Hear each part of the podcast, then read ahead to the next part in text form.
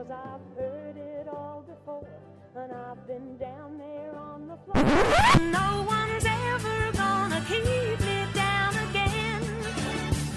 Whoa, yes, I'm wise, but it's Hayattan hikayeler. I Hayatın içinden bilinen ve bilinmeyen hikayeleriyle kadınlar. I Hazırlayan ve sunan Mükerrem Yıldız.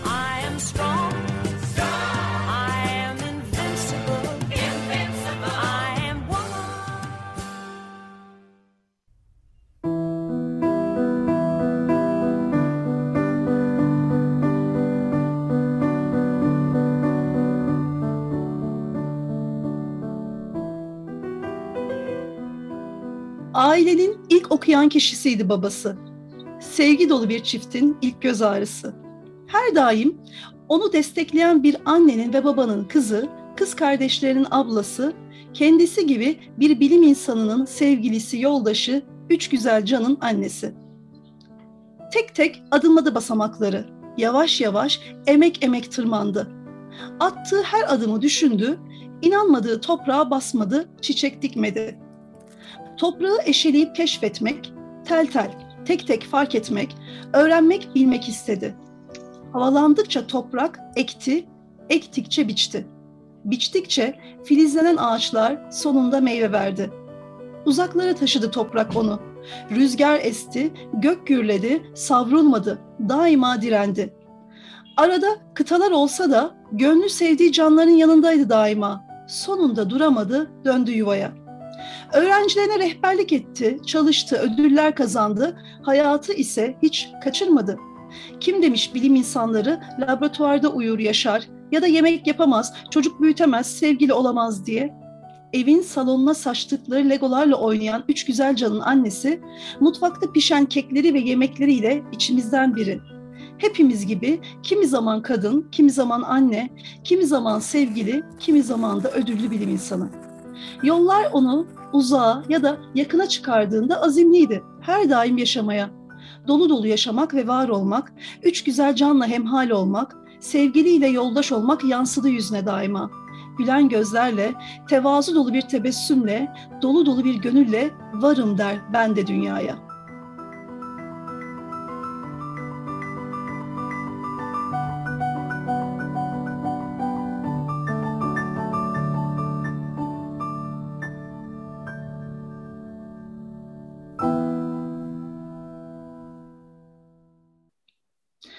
Hayattan Hikayelerin yeni bölümüyle karşınızdayız. Herkese merhaba.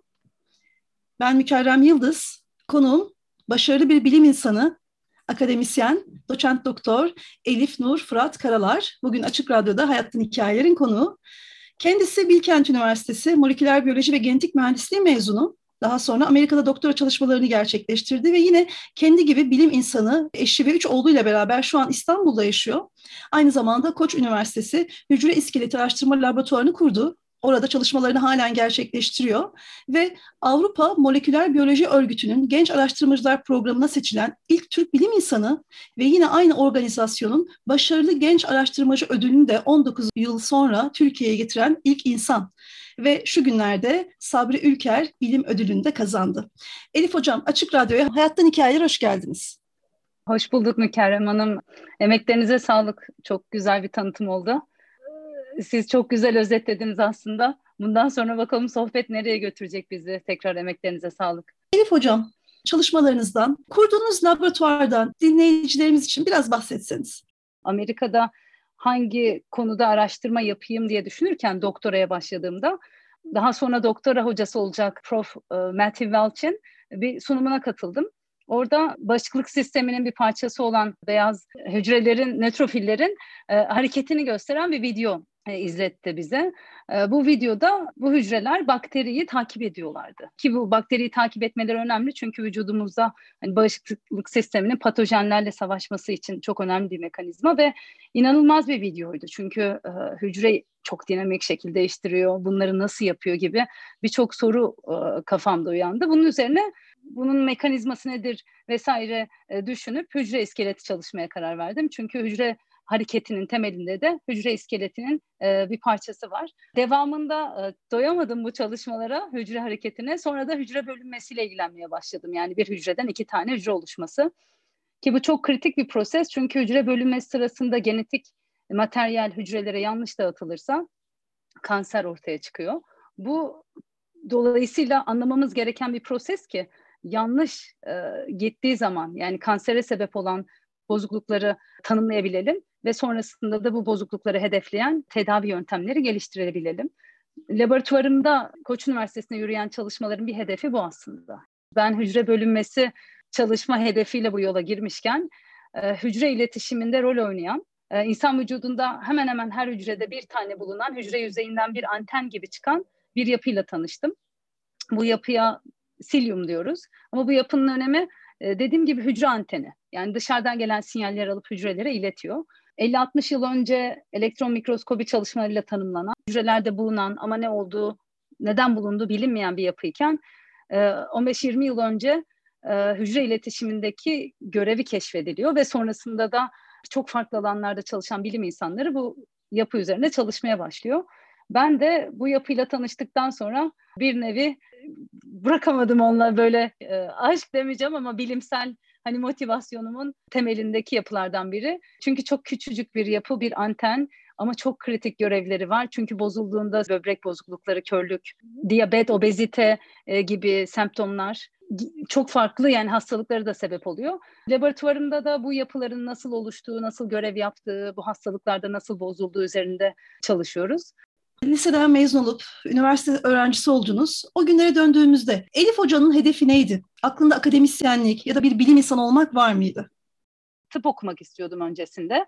Ama bu hücrelerle tanıştığımda yani hücrelerin ne kadar kompleks olduğunu, yani hücre içinde e, çok sayıda yapının çok düzenli bir şekilde oluşup dinamik bir şekilde beraber görev yaptıklarını ve bu görevlerin bozulduğunda birçok hastalığın ortaya çıktığını görünce ben e, hastalıklara daha insan vücudu e, fizyoloji bakımından değil hücreler seviyesinde anlamak istedim. Çünkü e, tıp okuduğunuzda biraz daha bütünsel yaklaşıyorsunuz. E, vücudumuzda milyonlarca hücre var. E, bu hücreler çok farklı çeşitlere ayrılıyor e, ve her biri farklı görevler, farklı yapılara sahip. Bu kompleksite çok ilgimi çekti. Hücreleri anlayarak daha sonra bu bilgiden bütüne ulaşmaktı beni motive eden lise yıllarında ya da bunu fark ettiğimde aslında moleküler biyoloji ve genetik okumaya karar verdim. E, tabii oraya girdiğinizde o yıllarda tek yol bilim insanı olmak gibi görünüyordu. Hani bir temel bilim e, de bir uzmanlaştığınızda e, direkt doktora yapılacak, sonrasında bilim insanı olacak gibi bir yol vardı. Ben başarılı olurum, öyleyim dediğim yerde çok ciddi başarısızlıkla larla karşılaştım. Başladığım projeler çalışmadı. Çalışan projeleri başkaları yayınladı. Ben çalışırken e, dördüncü sınıfa geldiğimde ya herhalde bu işi ben yapamayacağım dediğim çok zaman oldu. E, ama tabii çok şey e, çok şey öğreniyorsunuz doktora eğitiminde ve doktoranın sonunda ben vazgeçmemiştim hayalimden ama şeyde düşünüyordum yani bir doktora sonrası araştırmalarımı yapayım ona göre karar vereceğim acaba hani bilim insanı mı olacağım yoksa bir biyoteknoloji şirketinde mi çalışacağım yoksa belki tıp mı okuyacağım? Hani neticede birçok yol var devamında. Bir de şunu merak ediyorum. Peki doktoradaki o Amerika kararı nasıl e, verildi? Akışta mı ortaya çıktı? Ee, o zamanlar da yurt dışına gitmek aslında bir seçenekten ziyade gitmeniz gerekiyordu gibi bir durum vardı e, başarılı olmak için. E, benim durumumda da Amerika'ya gitme şöyle oldu tabii. 2002-2003 ee, yılında ben yaz stajları yaptım e, okurken. Biri Texas'ta, biri Harvard'da. E, iki farklı laboratuvarda, iki farklı konuda. E, bu stajlar vesilesiyle Amerika'daki bilimsel ortamı, e, Türkiye'den çok uzakta, Amerika'da e, yaşamayı deneyimlemiş oldum. E, doktora başvurularımda Avrupa'da çok iyi e, enstitülere de başvurdum. Amerika'ya da iki yerde de çok iyi kurumlardan kabul almıştım. Ama Amerika'da beni çeken şu oldu. Bir Kaliforniya'da doktora yapabilmek. Çünkü e, doktora sadece e, gittiğiniz enstitü değil, e, orada yıllarınızı geçireceğinizden hani orada yaşamak istiyor musunuz kararı da önemli. E, bir de Berkeley tabii hani Amerika'nın geneline baktığınızda son derece çeşitliliğin fazla olduğu, çok farklı dil, din, kültür, e, den insanın bir arada bir harmoni içinde yaşadığı bir yer. Bu açıdan da farklı Amerika'nın ve Avrupa'nın çoğu yerine göre.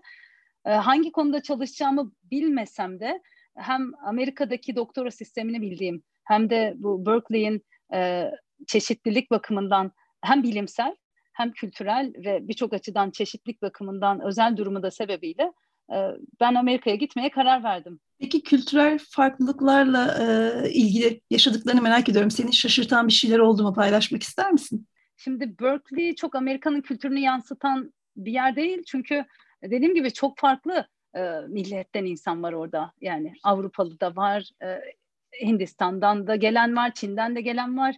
E, kültürel zorluktan ziyade hani çeşitlilik vardı, yemekler farklıydı vesaire. Ama bunlar çok zorlamadı. Bunlar hayatımı renklendiren şeylerdi. Yani kültürel olarak zorlandığım bir durum olmadı. Aksine çok da hani yeni şeyleri görmek heyecanlandırdı. Daha da böyle hayatımı da renklendirdi. Öyle yani onun zorluğundan ziyade özlem de beni zorlayan Amerika'da. Şimdi Hayattan Hikayeler'de müzik zamanı.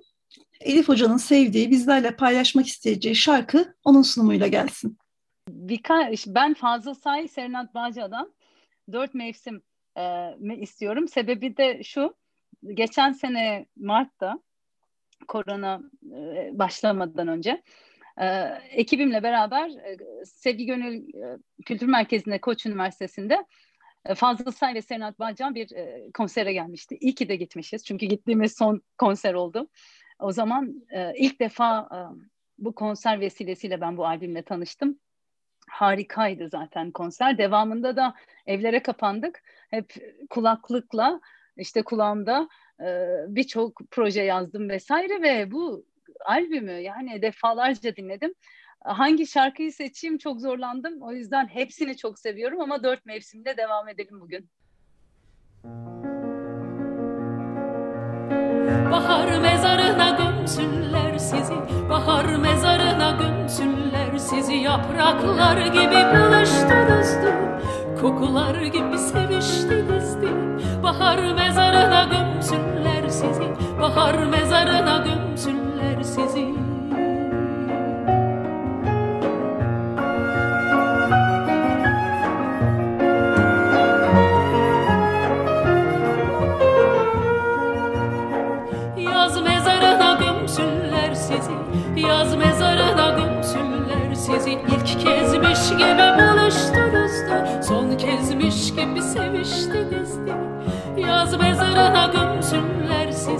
Yaz mezarına gömsünler sizi.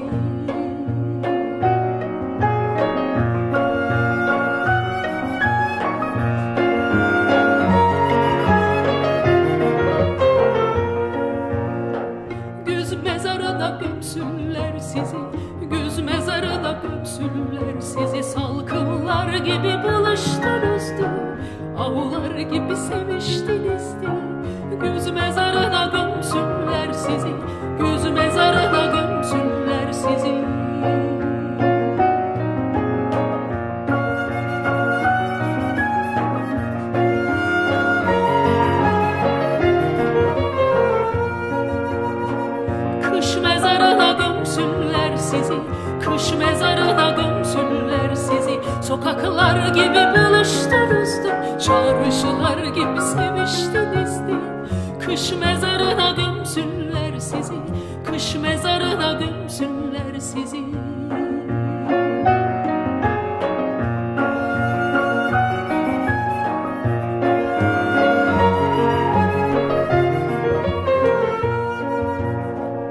Bahar mezarına gömsünler sizi Yaz mezarına gömsünler sizi Güz mezarına gömsünler sizi Kış mezarına gömsünler sizi La la la la la la la la la la La la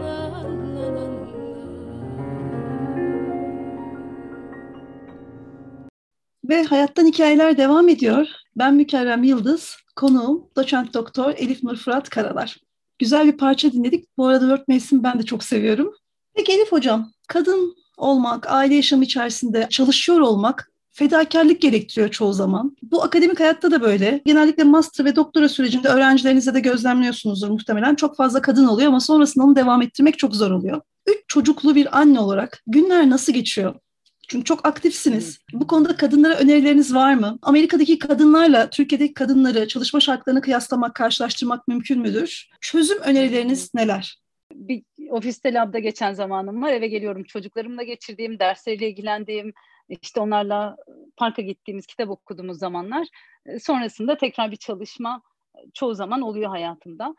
E, şimdi zorlukları nedir? Amerika ile Türkiye'yi karşılaştırırsak farkları nedir? Bir kere Türkiye'de çok daha rahatım. hani bunu kesinlikle söyleyebilirim. Amerika çünkü her şeyi kendisi, kendinizin yapması üzerine kurulmuş bir sistem var orada. Yani yardım almak mümkün ama çok pahalı. Yani bir doktora öğrencisi olup bir doktora sonrası çalış yani araştırmacı olup evinizde düzenli yardım alabileceğiniz mekanizma kurmak çok mümkün değil finansal sebeplerle. Türkiye'nin benim hayatımı kolaylaştıran en önemli elementi tabii hayatımızda hem ailemize yakınız, ailemizin desteği fazla hem de evde e, benim yapmam gereken ya da eşimle benim yapmamız gereken işler azaldı. Bu e, evdeki zamanımızı çocuklarımıza adayabiliyoruz. Hani evdeki zamanımızı hani yemek yetiştirelim, çamaşırlar kalksın vesaire. Çünkü bu telaşlar vardı Amerika'da. E, bunlar yok hayatımızda. Dolayısıyla hani Türkiye'nin e, bence hani çalışan insanlar için avantajları çok çok fazla. Bilimsel e, mutluluk benim için yeterli değil. Ben bunu baştan beri biliyordum. Yani sadece kariyerimde başarılı olmak e, benim mutluluk tanımıma uymuyor. Dolayısıyla ben çok erken yıllarda aile kurdum. Çocuk sahibi oldum. Çünkü e, biliyordum ki ben hem kariyerde bir başarı istiyorum hem de bir ailem olsun istiyorum. Bu çok önemliydi benim için. Şimdi bu sorun nasıl çözülür ben çok düşünüyorum. Bireysel optimizasyonlarla çözülecek bir problem değil bu. Bunun çözülmesi için e, kurumların e, aksiyonlar alması gerekiyor.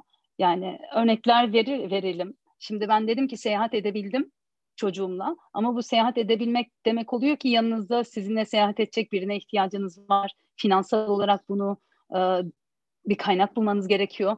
Bunu bireysel kaynaklara bırakmamamız gerekiyor. Kurumların ya da TÜBİTAK gibi fon veren e, kurumların, çalıştığınız üniversitelerin, enstitülerin e, çocuğu olan araştırmacılara, e, anne, baba yani artık kimse seyahat eden e, çocuk bakımı destekleri verilebilir ki Avrupa Moleküler Biyoloji Organizasyonu bunu veriyor. Bu sayede ben çok seyahat edebiliyorum. Aynı zamanda çalışılan kurumlarda kreşlerin olması gerekiyor ki evde bir yardımcı tutma imkanınız yoksa daha uygun fiyatlarda kreşe yollayabileceğiniz kurumsal e, bakım yerleri e, çok kritik. E, mentörlük çok önemli. Benim hayatımda hep önemli mentörler oldu ama ben bireysel çabayla bu mentörlere ulaştım. Peki Elif Hocam, eşiniz de ödüllü bir bilim insanı. Evde sohbetler nasıl gelişiyor? Sizin bu sohbetlerinizde çocukların yorumları nedir? Çocuklar katılabiliyorlar mı? Evet eşim de bir bilim insanı fakat onun alanı farklı. O elektrik elektronik e, mühendisi bölümünde. Konuşmalarımız nasıl gidiyor? Şey çok iyi bir kere birbirimizin yaptığı işleri çok anlamıyoruz. Ama çok önem veriyoruz ikimiz de bilime, bilimsel araştırmaya bana avantajı şöyle bir şey var tabii hani benim yaptığım işi anlamasından ziyade ona gelip ben anlattığımda bana çok farklı vizyonlar verebiliyor. Çünkü yaptığınız araştırmayı sadece alanınızdaki kişilere değil, alanınızda olmayan farklı alanlarda çalışan mühendislik, işte ekonomi e, vesaire anlatmanız gerekiyor ki farklı kesimlere ulaşabilirsiniz. Dolayısıyla ben onu anlattığımda o bana hep farklı bir bakış açısı sunabiliyor. Çocuklar bu işin neresinde? Yani çocuklar benimle çok laba geliyorlar. Babaların içine de gidiyorlar ama daha ziyade ben hafta sonu laba gittiğimde Şimdi ben hafta sonu çalışmıyorum dedim ama tabii laba gitmem gereken zamanlar oluyor ama o zamanlarda hiçbir zaman çocukları evde bırakmadım. Ee, onlara ayırdığım zamanda gidiyorsam laboratuvara gitmem gerekiyorsa onlarla gidiyorum.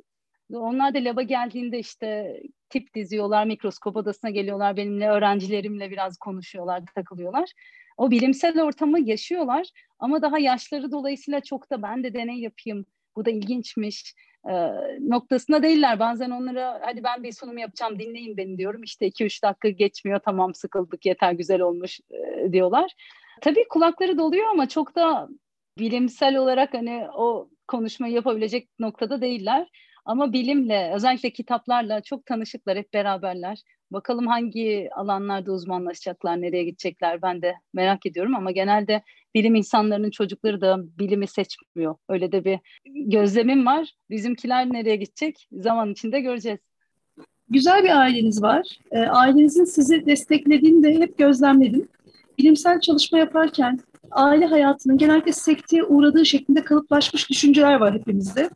E, siz de böyle dışarıdan e, bu tarz e, etkilere maruz kalıyor musunuz hayatınızda? E, soruluyor tabii. Bu soru çok geliyor bana.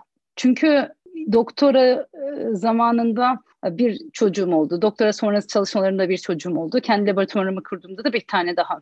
Şimdi bunlar akademide aslında en yanlış zamanlar olarak tanımlanır. Yani akademide tanımlanan doğru e, zaman dilimi çocuk sahibi olabilmek için e, laboratuvarını kurduktan, işte e, promosyonunu aldıktan ve önünü görebildikten sonraki zamandır. Ben dolayısıyla akademik tanımlarla hep yanlış zamanlarda çocuk sahibi oldum. Belki evlendim çünkü evlendiğimde de doktora yapıyordum daha ikinci yılımdaydı. Ya bence benim örneğim ve benim gibi diğer kadın bilim insanlarının örnekleri bir doğru tanımının yanlış olduğunu gösteriyor. Yani kalıplara sığmamamamız gerektiğini gösteriyor. Çünkü e, tanımlanan kalıplar belli ki doğru değil. E, herkesin hikayesi farklı. Dolayısıyla evet şu zaman doğru zamandır. Kime göre, neye göre doğru. Çocuklarım ve ailem olduğu için bence daha başarılıyım. Onlar olmadan bu başarıya ulaşabilir miydim? Belki ulaşırdım ama bu kadar mutlu olmazdım. Yani ailem ve işim arasındaki denge benim için çok kıymetli. Yani benim mutluluğumun temel kaynağı yani işteki mutluluk tek başına yeterli olmadığından ben belki kariyerinde başarılı ama çoğu son derece mutsuz bir insan olabilirdim. Ama tabii bu benim. Yani şey de olabilir. Bazı bilim insanı arkadaşlarım var tam tersini tercih ettiler. Yani bir aile kurmak istemediler. Aileleri olsa dahi çocuk sahibi olmak istemediler. Bir çocuk istediler, üç istemediler gibi. Dolayısıyla kalıplar yanlış. Yani herkesin kendi e, optimizasyonunu yapması gerekiyor hani özel hayatında. Ama şunu söylemek istiyorum hani bu kalıpları gen- gençlerimize anlattıkları için işte laboratuvarda yaşamanız gerekiyor, saatlerce çocuk sahibi olma fikrini ertelemeniz gerekiyor e, gibi gibi bunların değişmesi gerekiyor. Çünkü çok sayıda genç özellikle genç kadınlar bu bilim yolunu seçmekten çekiniyorlar. Çünkü ya ben hani aile sahibi olmak istiyorum. Dolayısıyla ya ben öğretmen olayım e, diyen kişiler gördüm. Çünkü bir öğretmenlik dediğinizde daha böyle saatleri belli e, bir hayat tarzı olabilir. Ya benim örneğimi ben hep anlatıyorum her gittiğim yerde. Çünkü e, farklı şekillerde başarılı olabilmek mümkün. Önemli olan e, işinize bence çok büyük bir motivasyonla bağlı olmak ve hani onun için elinden geleni yapabilmek. Ee, onun dışında tabii bir de destek olan bir aileniz olursa ki ben şanslıydım yani hem eşim hem geniş ailem e, her noktada destek verdi. Ama daha önce de yine konuştuğumuz gibi bu desteklerin olmadığı kişiler için de kurumsal politikalar geliştirilirse e, bireysel optimizasyonu olmayanlar da bu işte başarılı olabilecek. E, ben kendimi şanslı hissediyorum ama şöyle bu iş şans da değil. Yani çok çalışıyorum. Yani çok da emek veriyorum. Böyle e, bazen gecelerim yok. Hani hafta sonları evet çocuklara kesinlikle ayırıyorum ama kafamın içi meşgul oluyor gibi. E, bu bilim e, kolay bir meslek değil hani bilimsel araştırma ama sevdiğiniz zaman o zorluklara da katlanıyorsunuz. Çok güzel bir sohbet oldu benim için. Katıldığınız için teşekkür ediyorum. Ben de çok teşekkür ederim. Bu bölümde konuğum Elif Nur Fırat Karalar'dı. Kendisiyle çalışan kadın olmayı, bilim insanlığını, anneliği, akademisyenliği konuştuk. Akademisyenliğe, bilim insanlığına giden süreci konuştuk. Bize hayatının hikayesini açtığı için Elif Hoca'ya şükran doluyum. Hayattan Hikayelerin bu bölümünde ben yine bir kadın yazardan alıntıya yer vermek istiyorum. Çok konuşmak hiçbir şeyi düzeltmedi. İstediğin kadar yeniden başla anlatmaya. Bütün sözcükleri evir çevir, çirkin tekrarları sıvayamazsın. Tante Rosa, Sevgi Soysal. Hayattan Hikayelerin yeni bölümünde değişen ve dönüşen bir başka kadın konuğumla karşınızda oluncaya dek sağlıkla kalın, hoş kalın.